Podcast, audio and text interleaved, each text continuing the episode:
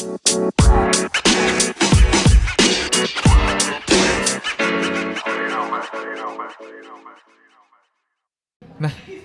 satu hal lagi yang aku lihat dari Kayulia adalah seberapa uh, Kayulia dekat sama keluarga nih. Kayak Hmm. kemarin kan aku ngajakin podcast juga, aku ngasih pilihan mau pagi atau sore nih kak. Oh nggak Iya. bisa sore udah sama keluarga dan sebagainya. Nah aku lihat, oh emang sering sering banget ya sama keluarga gitu. Hmm. Seberapa banyak sih keluarga Kayulia itu membantu dalam karirnya Kayulia nih? Hmm. Kayak pernah gak sih dilarang sama suami atau gimana? Malah suaminya ini ya, Mr. Scott ya. Mr. Scott itu malah ngebantuin rekam video dan s- dan macam-macam ya. Iya, pas awal-awal aku mulai banget, eh, Scott support aku banyak banget karena aku masalah komputer-komputer agak blow on kan, kayak harus beli RAM segala macam aja dia yang pilih karena aku nggak ngerti gimana kayak graphic card segala macam kayak gitu aku blow on banget. Itu udah support banyak. Terus audio, editing audio, echo segala macam dia. Sampai akhirnya udah di poin kayak berapa tahun kemudian aku ngerasa kayak aku nggak bisa terus manja. Sekarang waktunya aku independen. Akhirnya di poin yang aku semuanya sendiri record sekarang udah sendiri pakai laptop edit aku udah aku sama editor aku Scott udah di bidangnya sendiri dengan bisnisnya sendiri kayak gitu Hmm. tapi dia masih support banyak kayak sekarang buku aku nggak bisa Adobe Illustrator dia ajarin aku kita kerja sama kayak gitu while yang penting bisnis dia nggak aku ganggu kayak gitu terus iya sih support kayak mama aku semuanya juga kayak mereka support banget Support nggak ya. pernah ngelarang even aku mau operasi juga mama aku malah bilang hati-hati double check aja Hmm. dokternya bagus enggak jangan lalalalala kayak gitu mereka support sih Scott nggak pernah larang yang yang aneh-aneh nggak positif nggak positif sama sekali gitu Iya, iya. Mm-mm. Dan satu hal nih, mungkin aku agak minta maaf dikit bahasanya. Dulu Kak Yulia pernah sempat kehilangan satu anak ya. iya Nah, itu kan itu kayaknya pas kita ketemu udah kehilangan sih udah ya? iya ya itu soalnya bulan Juni kejadiannya Masa ya? iya iya Belum kali Kak? Udah ya? udah udah Udah udah ya? iya udah Kak Yulia nggak nggak kelihatan kayak depres gitu loh pas aku ketemu loh. ya kan lagi bikin buku maksudnya kalau di press kapan jadinya Iya, iya. iya Oke, dan itu kan suatu hal yang cukup berat berat ya, Iya. menyedihkan, Hmm. menyakitkan gitu lah ya. Dan nah, Kak Yulia di momen-momen yang sebegitu menyedihkannya Mm. bahkan bisa dengan cepat balik lagi ke produktivitas yang biasa Hmm. gitu. Jadi itu pas kita ketemu aja Mm. udah buat buku tuh Mm.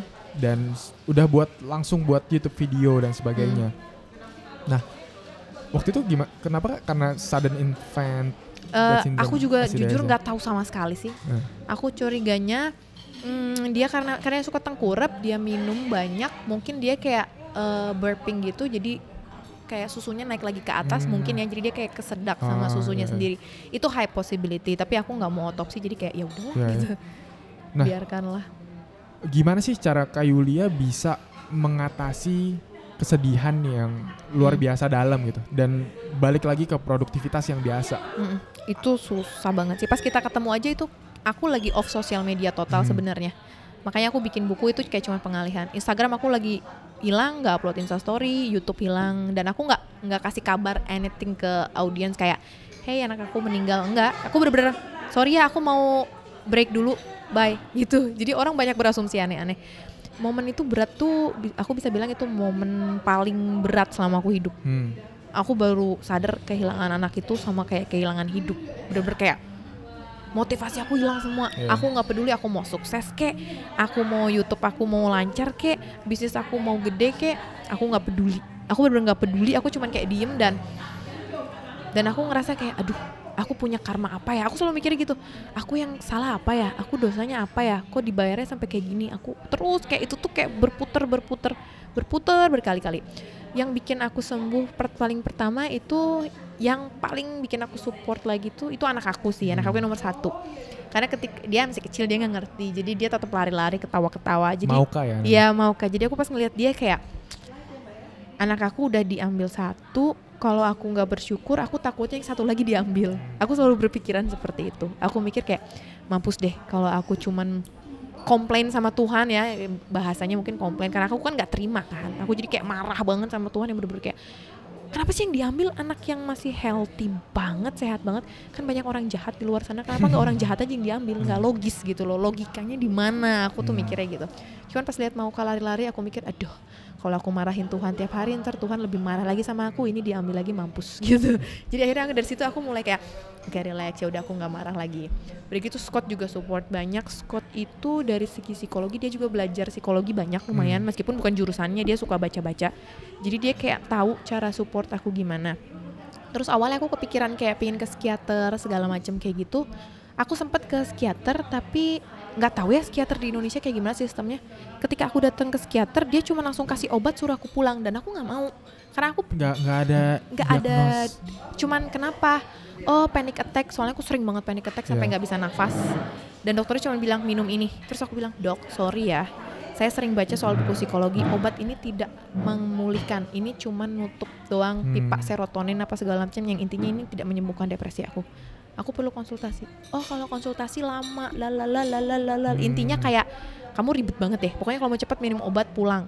Aku sampai rumah aku pegang obatnya aku bilang Scott buang aja.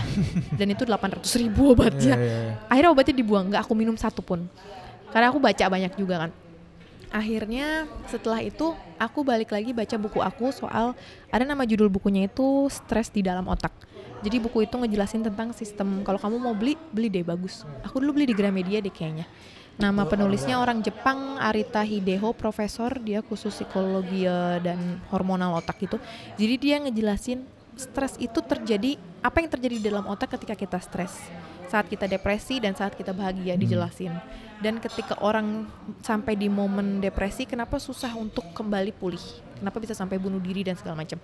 Dan aku baca akhirnya intinya sih setelah aku baca buku itu aku sadar stres itu ada stres yang aku alami adalah stres bukan karena gangguan genetik bukan karena Hmm. gangguan yang kecelakaan atau segala macam. Itu adalah stres yang karena trauma psikologi kan momen kan. Yang sebenarnya penyebabnya adalah pola pikir aku sendiri. Yang bikin reaksi hormon aku jadi berantakan. Dudut-dudut kayak gitu panik gitu di dalam karena mindset aku. So intinya obat nggak bisa nyembuhin. Yang bisa nyembuhin adalah ketika aku putar balik mindset aku lagi sampai si hormonal itu seimbang lagi. Hmm. karena dari buku itu dibilang kalau orang yang udah keseringan stres akhirnya kan di otak itu kan ada serotonin dopamin sama neuroadrenalin. Itu kan harus levelnya biar balance sekian sekian sekian lah ya secara detail. Ketika kita kebiasaan stres yang lebih dominan itu kan hormon tertentu nih. Neuroadrenalin lebih dominan serotonin dia mulai ngedrop pasif kalah. Iya. ketika kita udah terbiasa otak udah terbiasa memproduksi jumlah hormon yang anggaplah satu liter stres. Kebiasaan aja satu liter. Jadi ketika kita mau nggak stres kita susah. Karena otak kita udah otomatis produksi satu liter Hmm, udah terus jadi habit udah jadi habit buat otak. otaknya Hmm. gitu. Jadi si serotonin kayak aduh susah nih bro. Gimana ya? Aku udah kebiasaan nggak kerja lama nih. Bye mager ah gitu kan. Nah jadi ketika aku tahu depresi aku itu disebabkan karena otak aku yang hormonnya sekarang lagi berubah karakternya so tugas aku sekarang adalah merubah karakter otak aku lagi. Aku fokus ke situ aja. Jadi setiap aku stres aku selalu mikir oke sekarang serotonin kalau gue mager nih aku cari tahu cara aktifin serotonin ngapain lagi. Aku cuman fokus baca soal serotonin doang selama kayak berminggu-minggu. Meskipun bulak-balik hal yang sama. Oh sinar matahari meningkatkan iya. produksi serotonin. Tapi dibaca sampai 3 4 5 kali sampai aku kayak orang blow on gitu. Intinya apa? Biar tersugestikan. Iya bener. tersugestikan kayak hipnotis lah jatuhnya kayak hipnotis. Akhirnya dari situ magically aku pulih tanpa psikolog, psikiater segala macam masih ada trauma ada panic attack ada tapi kayak aku bisa bilang dulu skalanya 100 sekarang mungkin kayak skalanya max di 10 lah Hmm. kayak gitu itu sih ngerti ngerti sistem hormonnya sendiri Hmm, jadi ngerti Mm-mm. apa yang terjadi di badan kita Mm-mm. dan latihan setiap hari untuk melatih si serotoninnya Iya. itu ya. perbaikin lagi serotonin ketika serotonin dia udah super aktif nggak pasif lagi semuanya lebih gampang Ada nggak cara-cara alamiah atau praktis yang bisa dilakuin untuk ningkatin serotonin di otak? Pengalaman Kak Yulia gimana? pengalaman aku pertama matahari Matahari. matahari matahari pagi makanya aku habis nge-gym pasti cuma diem 15 menit berjemur nggak Hmm. ngapa-ngapain itu terus kedua kegiatan beritme kegiatan beritme itu bisa kalau di agama mungkin kayak berdoa kalau di Islam kayak zikir itu kan beritme kan bolak-balik bolak-balik terus eh, jalan santai treadmill itu beritmik mengunyah yang lama dengan tempo yang sama itu juga gerakan beritmik kan satu dua tiga jadi aku ngelakuin semuanya sebisa mungkin beritmik makan aku dilama-lamain itu penyembuhannya kayak gitu jadi kayak makan ngunyah yang lama sambil fokus Terus sebelum nge-gym biasanya aku nggak pernah kardio, kardio dulu. Cuman Hmm. biar ritmiknya dapet kayak gitu-gitu. Udah gitu meditasi otomatis itu udah kayak banyak banget researchnya juga. Olahraga juga. Olahraga. Olahraganya bisa bebas apa aja kayak gitu. Terus makanan gizi.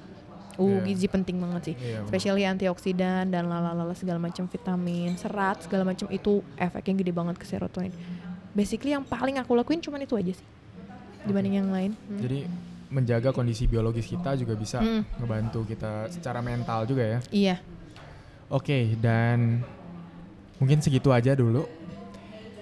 Untuk terakhir nih, kira-kira Kak Yulia ada pesan nggak buat anak-anak muda yang lagi pengen diet nih? Atau nggak seberapa penting sih eh, jaga eh, badan yang sehat, badan yang bagus, olahraga, diet sehat gitu? Ada nggak pesan buat misalkan entah cewek atau cowok yang lagi dengerin nih sekarang, yang mahasiswa, ad- ada nggak Kak Yulia pesan buat mereka? ya? Aku kalau suruh kasih pesan paling galau nih karena saking banyaknya bingung mau yang mana yang dikasih Hmm. pesan. Tapi kalau buat anak muda, hmm, intinya aku cuma mau bilang jangan terlalu ambisius dan jangan terlalu sombong. Karena aku pernah di posisi itu, jadi aku lebih enak untuk ngasih masukannya. Ambisius dalam artian, oh pingin sukses, oh pingin kaya, oh pingin terkenal, oh pingin punya perusahaan sendiri, pingin punya bla bla bla bla bla bla. Sampai kesehatan bener-bener dicuekin, badan dicuekin. One day ketika kalian sukses, sukses kalian masa dipakai buat ke rumah sakit. Banyak loh kasus Iya, begitu. ya kan? Banyak orang yang begadang demi sukses. Nanti ketika sukses duitnya dipakai buat rumah sakit. Jadi Iya. kayak aduh itu ci- cicilan kalian apa loh? Kalian sekarang lagi mencicil masa depan. Ya kan? Ya oke cicil masa depan tapi cicilnya juga yang ada di diri kalian juga. Jangan cuma cicil investasi cicil karir segala macem. Kayak gitu because yang real sukses itu sebenarnya kalian sendiri.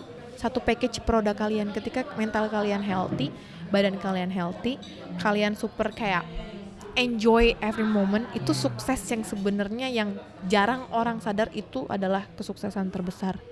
Banyak orang selalu menargetkan titik sukses itu di luar diri kita. Material. Di luar ya apa pun kayak semuanya ya. Oh. kayak apa pun yang ada di luar kita itu berarti ya kesuksesan kayak gitu. Jadi jangan sombong-sombong banget lah mentang muda. Mentang-mentang masih muda begadang lebay. Segala dimakan challenge ya kan? Mukbang makan buat 10 fame doang mau gitu ya. 10 bungkus mie bla bla bla bla. Kayak mm, sombong banget sih. Ntar giliran udah masuk rumah sakit baru nangis-nangis sudah telat gitu. Hmm. jadi intinya sih aku sering bilang jangan suka nantangin Tuhan. Nanti pas ditantang balik takutnya nangis. Iya, iya. gitu. Jadi jaga titipannya baik-baik. Dan ini pesan untuk jangan mengejar fame dan hal material sebagai macamnya diberikan oleh orang yang udah subscribernya satu juta lebih loh YouTube karena Iya. aku juga ngerasa subscriber mau satu juta kalau kamu lagi keseleo otot ya tetap aja menderita Iya. hidupnya gitu mau terkenal banget pas ternyata sakit-sakitan kayak kemarin aku habis anak aku meninggal kan bisa dibilang aku masuk ke kategori sakit cuman sakitnya mental aku mah malah justru pingin ngedelete YouTube aku. Sempat kepikiran kayak aku mau hapus aja di YouTube aku mau hapus aja Instagram. Itu perjuangan yang aku lakuin selama berapa tahun. Berarti kan bisa dibilang segitu tidak pentingnya loh subscriber dan follower itu ketika kita udah di posisi tidak tidak tidak sehat. Mau itu tidak sehat mental mau itu tidak sehat badan. Gitu. Itu yang cuma bisa aku bilang sih.